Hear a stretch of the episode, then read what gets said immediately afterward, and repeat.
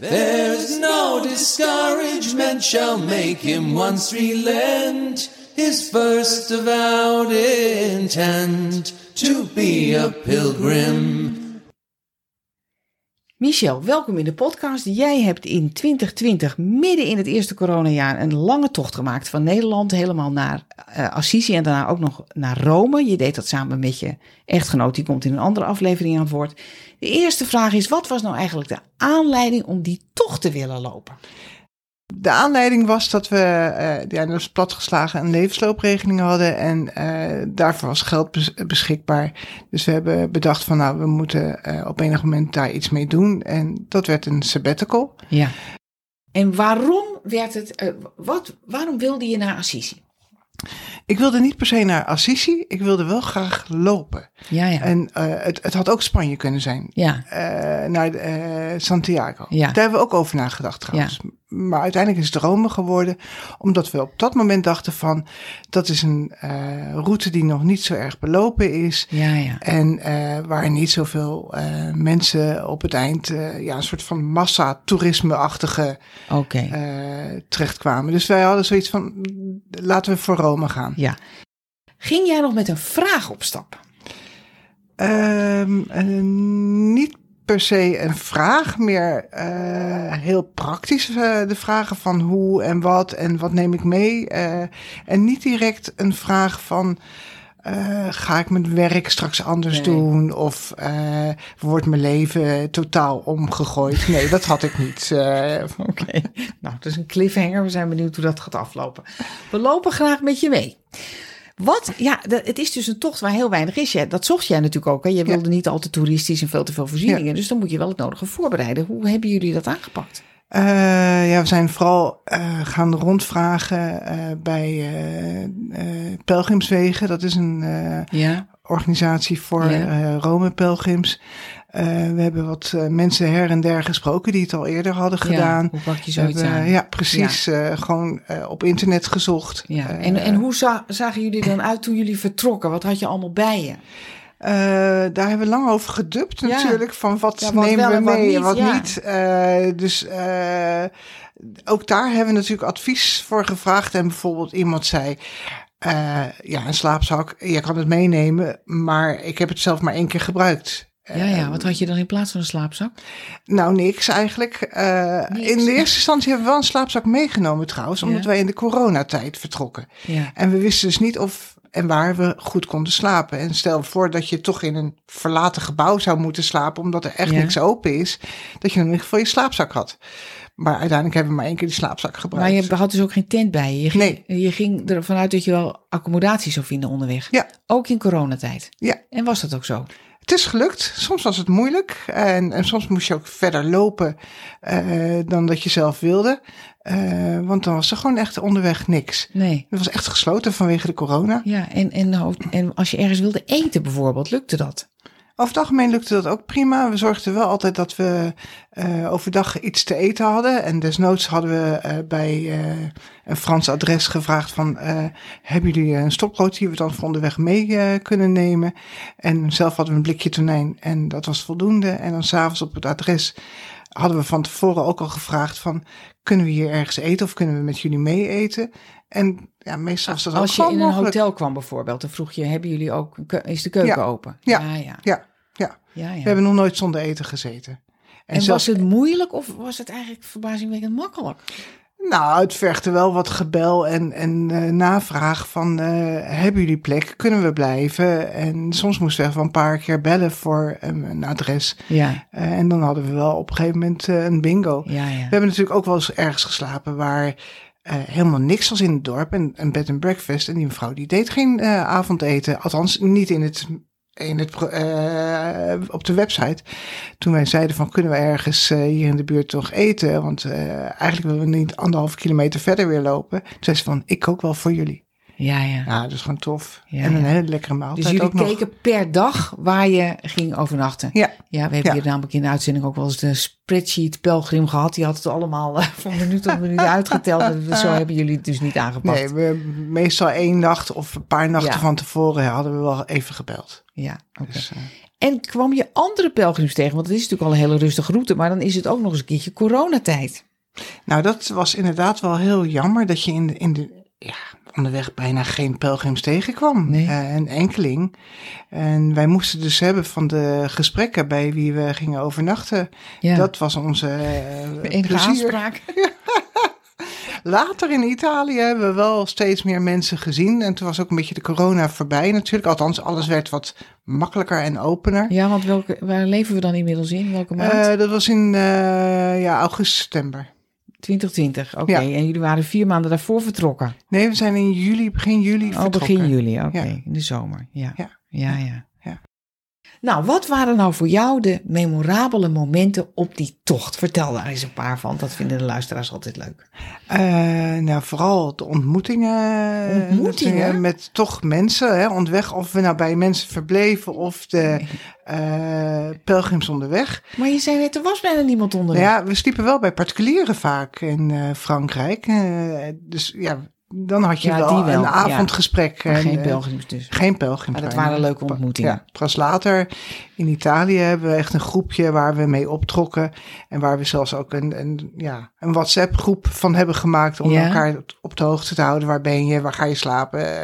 Eh, Ja, ja. en nu nog af en toe dat we contact met elkaar Toen hebben. kwam je, kwam je ze pas tegen.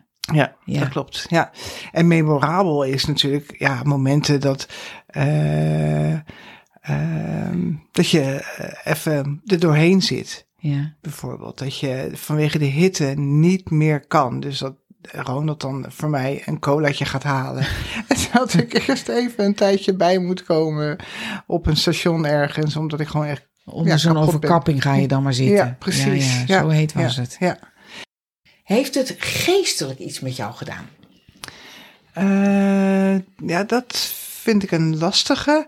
Eh, want je begint gewoon, je blijft dan, eh bent vooral bezig met de praktische zaken onderweg. Maar je merkt wel dat je tijdens het lopen, eh, ja, ga je gedachten afdwalen. je denkt soms gewoon helemaal aan niks. Dat is heel raar. Je denkt gewoon helemaal niks. Of je kijkt gewoon naar de natuur, naar de blaadjes dat die vallen. En dan kan je uren over mijmeren. En ja, op een gegeven moment laat je gewoon al je werk ook los. Ik kon Mhm. ook niet meer in mijn werkmail, dus dat scheelde ook. Wat doe je Dus voor werk? Ik ben eh, teammanager in de zorg, maar dan voor de ondersteunende diensten, voor klantenservice ja, dus en bemiddeling. heb je veel Allemaal je Ja. en, en issues en problemen. En, dus dat was heel lekker om daar los van te komen. Eh, gaandeweg had ik wel zoiets van, vind ik het leuk, eh, het werk wat ik doe? En ehm, Ter hoogte van wat zitten we dan ongeveer? ja, dat is eigenlijk is het al door de jaren heen is het een issue in de zin van eh, ja, ik vind mijn werk wel leuk, maar het is te veel. Ja, ja. Dus dan ga je toch nog verder denken van vind ik het echt leuk? En Ja. ik kwam toch wel iedere keer terug op het moment van ik vind het leuk eh, wat ik doe, maar het is te veel. De. Het team is te groot wat ik moet aansturen. De, de issues zijn too much, te, te Ja, veel. Ja. Eh, dus ik heb onderweg gewoon Dat besluit horen we genomen. trouwens ook altijd, Ja. hè? de bureaucratie in de zorg. Ja, daar Ja, zit jij dus midden in. Precies. Oké. Ja. Dus ik heb onderweg wel een besluit genomen dat ik dit wel heel eh, duidelijk bij mijn manager eh aanhangig ging maken. En dat heb ik dus ook gedaan toen ik terugkwam. Ik heb echt gezegd van, als er niks verandert, dan verander ik. Oh, en dat betekent dan vertrek ik? Dan vertrek ik. Ja, ja. En dat heeft ze wel gevoeld, die manager. Ja? Dus eh, eh, uiteindelijk is er een tweede manager bijgekomen. Oh. En heb ik dus eh, een half team eh, overgehouden, wat gewoon ja, behapbaarder is. Dus eigenlijk deed je twee keer meer dan, of Ja. twee keer zoveel als Ja, precies. Ik was eigenlijk alleen maar brandjes aan het blussen destijds.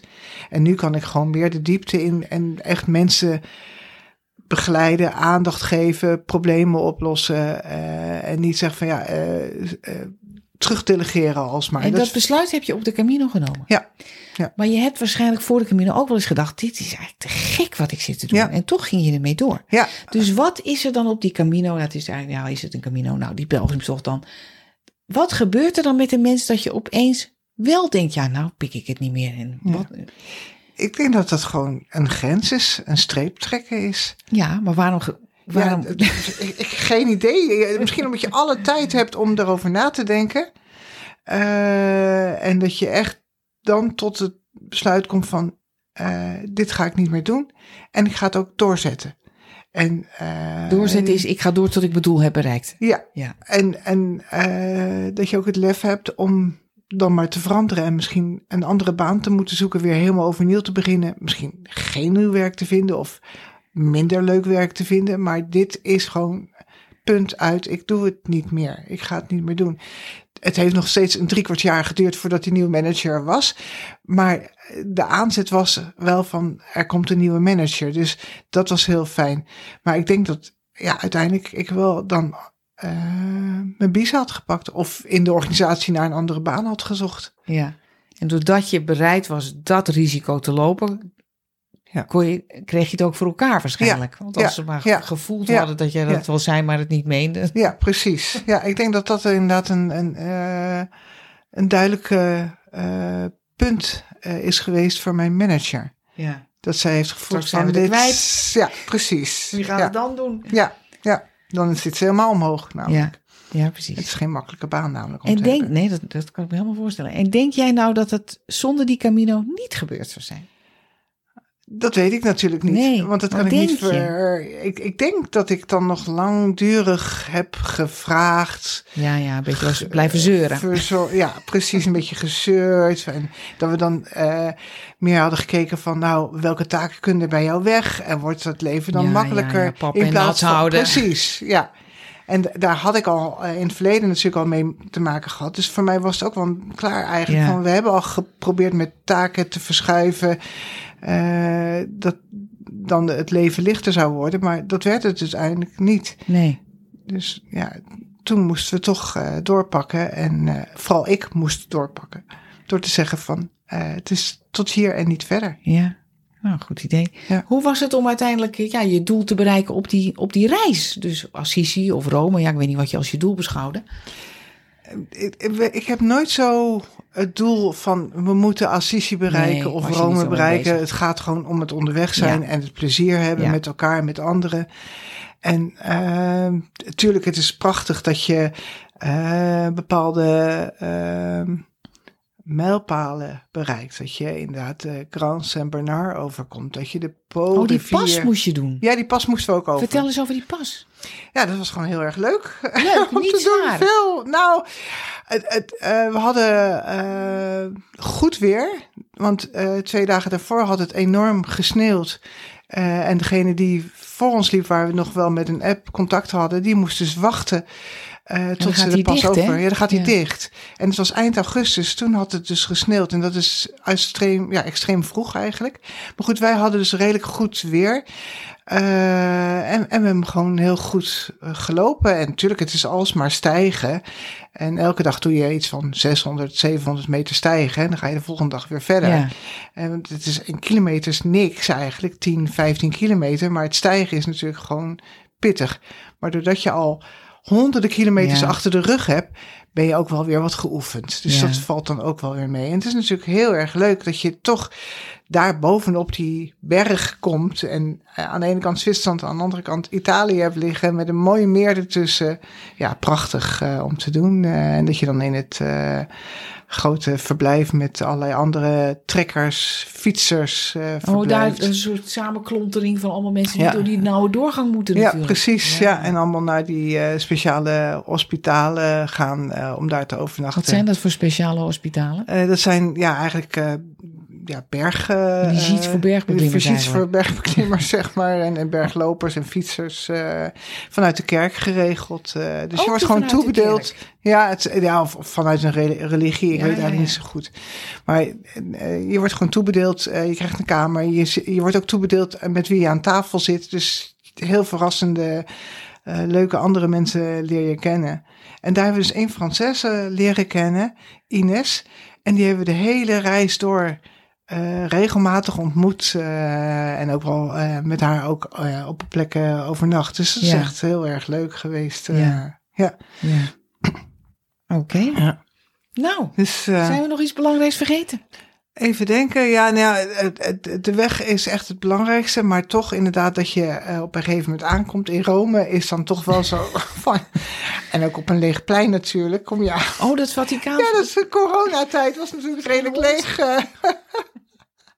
En daar sta je dan. Ja, dan sta je een beetje verloren eh, te staan. en eh, andersom is het ook heel verloren hoor. Voor nu, eh, mensen die nu aankomen, die komen midden in de toeristenstroom eh, Ja, dat is aan. net en zo niemand- vervreemdend. Ja, is net zo vervreemd. eh. Ja, Dus, zo is het. ja. Dankjewel. alsjeblieft.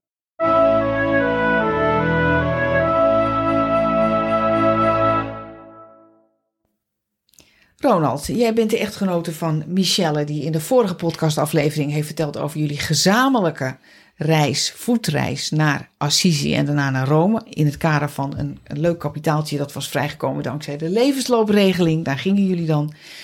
En eh, jij schreef in je mail dat je betrokken was van de, of dat die die indruk had ik, bij de Franciscaanse beweging, klopt dat? Ja, en klopt. vertel eens over die Franciscaanse beweging en wat die betrokkenheid inhoudt.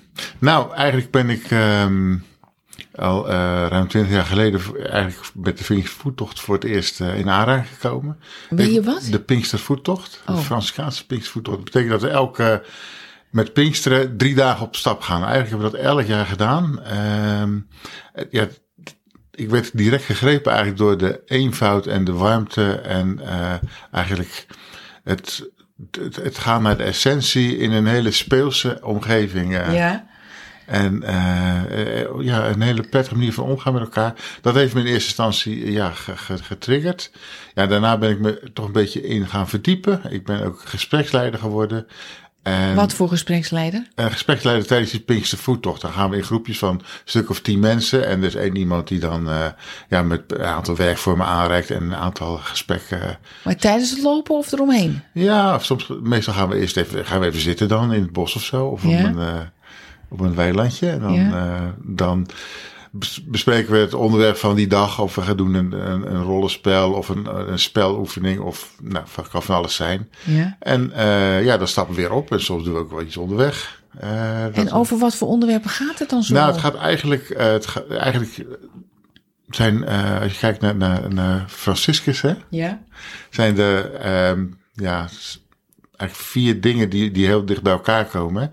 Dat is de eenvoud. Hij heeft echt ehm, van alle bezit en alle eh, radicaal afscheid genomen. Hij kwam uit een rijke familie.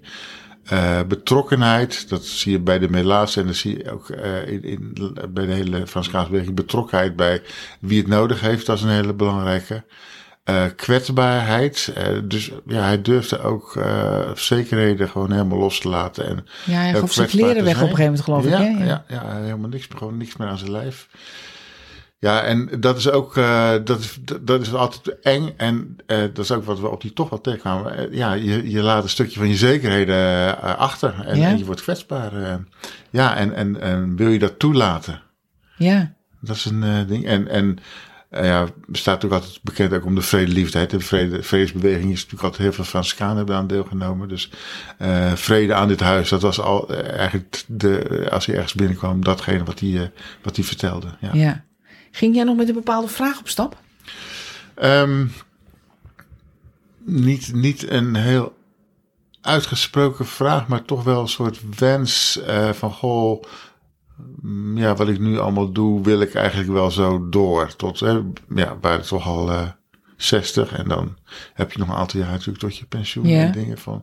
Dat speelde wel ergens, maar ik heb het nooit zo als vraag gedefinieerd, maar wel van ja, is dit, is dit nou het, hetgeen wat ik wil? Ja. Voor, de laatste jaren tot je pensioen, en neem ik het, aan. Het, het- ja, het zat al een beetje ook wat later dan meer naar voren gekomen. Hè. Ik, ik, ik werkte in het onderwijs ook als coach van, eh, van docenten. Eh, ik ben daar ook voor opgeleid en er zat al, ook- al, al een aantal jaar in mijn hoofd van ja, wil ik daar eigenlijk iets mee? En, en ja, Met dat bedrijf- coach zijn bedoel Ja, je? Maar ja. wilde je daar vanaf of wilde je Nee, ik wilde juist eigenlijk meer? eh, dat meer gaan doen eigenlijk. Want dat gaf me heel veel voldoening. Ja. Echt eh, prachtig eh, om dat te doen. Ja, Om iets te kunnen betekenen voor mensen en om met mensen op pad te gaan en stappen te maken. Dus ja, dat, dat deed ik heel graag, doe ik nog steeds heel graag.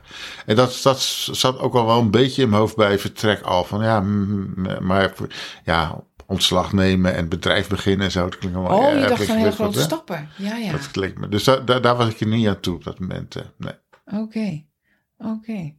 Hoe is dat afgelopen met... Wat is het antwoord geworden op die vraag? Of, Nou, of vertel hoe het zich onderweg ontvouwd heeft. Dat is misschien beter. Oké. Hoe het onderweg. Nou, eigenlijk eh, wat er onderweg. eh, wat er onderweg mij gebeurde is dat je steeds. ehm, naarmate je, ik verder van huis kwam, verder ook van mijn werk, verder van de kinderen, ehm, ja, er steeds meer ja, rust kwam.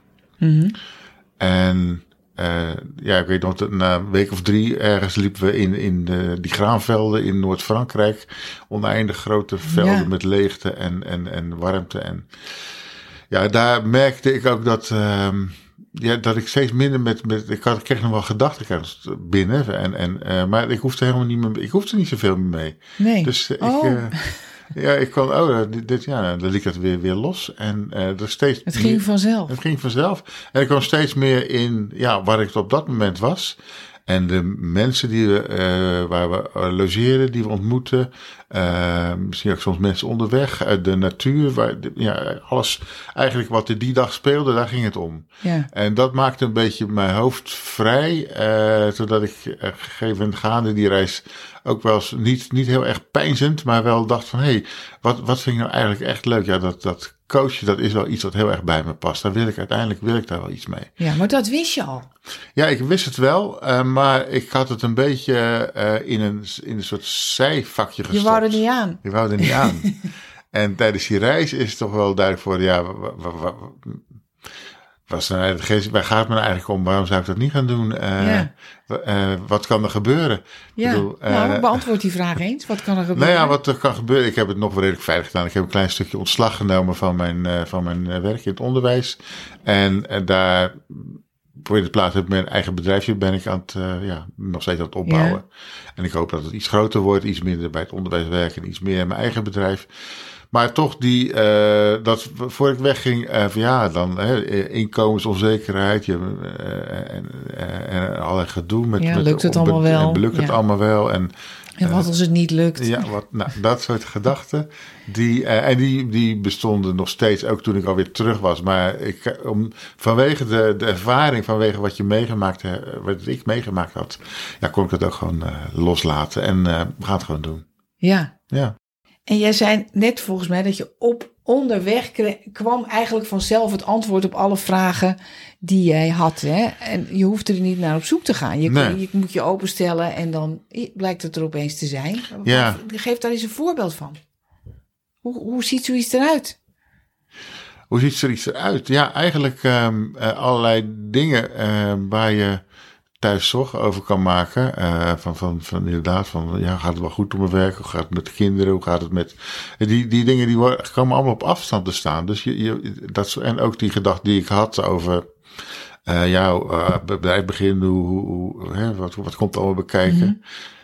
Ja, dat eigenlijk. ehm, Ja, dus de, eigenlijk het, Zakt het, weg? dagelijkse lawaai zakt weg en daardoor komt er blijkbaar... Ja, ik heb het wel eens eh, iemand, eh, iemand, iemand die een meditatietraining gaf een voorbeeld. Je hebt van die, van die, die sneeuwbollen. ja, ja. ja. En, eh, en dat is eigenlijk letterlijk ook wat ik eh, met zo'n reis ervaren heb. Dat die gedachten die constant om je heen zijn en waar je aan in, soms in vast moet bijten en over moet pijnzen, die dwarrelen eigenlijk allemaal neer. En er komt wel zo'n gedachte even op, maar die Ja. dwarrelt weer neer. En Ja. je hoeft er niet zoveel mee. En uiteindelijk wat er overblijft is, ja, dat wordt, wordt dan duidelijk, ja, waar gaat het hier nou eigenlijk echt om? Ja, wat is nou dan- echt ja, ja. belangrijk Dan- voor je? Dan zie je die huisjes En- die anders door de sneeuw helemaal aan het zitten worden ontrokken. Ja, ja.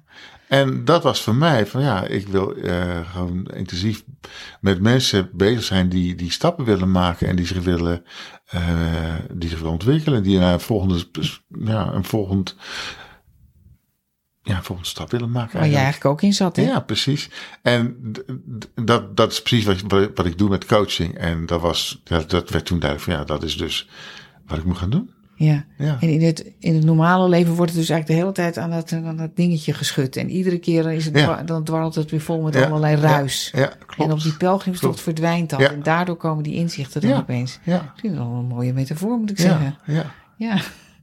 Oké. Nee, het, het is, het is echt. En ik sprak van de week nog iemand anders die eh, naar eh, Santiago was gelopen. Ja. Niet helemaal nog eh, gehaald. Maar, en ik, die, eigenlijk als spreker hadden, hadden we dezelfde soort ervaringen. Dus dat, dat, ja, dat, zo, zo wer- werkt het wel. Als je ver weg bent en weinig aan je hoofd hebt. En je kan overgeven aan wat, het, ja, wat er is onderweg. Ja. Hè, en wat je ja, kan maar dat gaat min of meer vanzelf, Ja, dat gaat vanzelf. Daar hoef je niet zo moeite Nee. over te doen.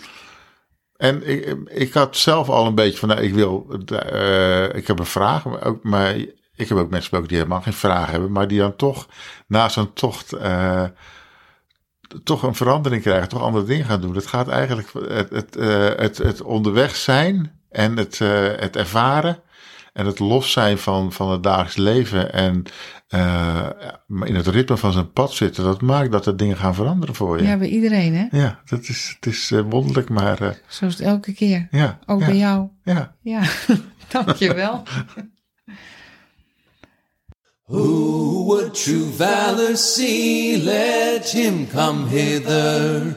One here will constant be, come wind, come weather. There's no discouragement shall make him once relent his first avowed intent to be a pilgrim. Whoso beset him round with the dismal stories do but themselves confound. Wil je meer weten over de Camino? Kijk dan eens op de website van het Nederlands Genootschap van Sint-Jacob, www.santiago.nl. Suggesties voor deze podcast kun je mailen naar mij, post.johannakroon.nl. En als je deze podcast interessant vindt voor je vrienden, zou je er dan op Facebook een berichtje aan willen wijden. Het lied dat je hoort is een Engels pelgrimslied uit 1684, getiteld Who Would True Valor See, gezongen door Alistair Thompson op zijn CD Log Rise Revisited. Tot de volgende keer. Who would true valor? Let him come hither. One here will constant be, come wind, come weather. There's no discouragement shall make him once relent his first avowed intent to be a pilgrim.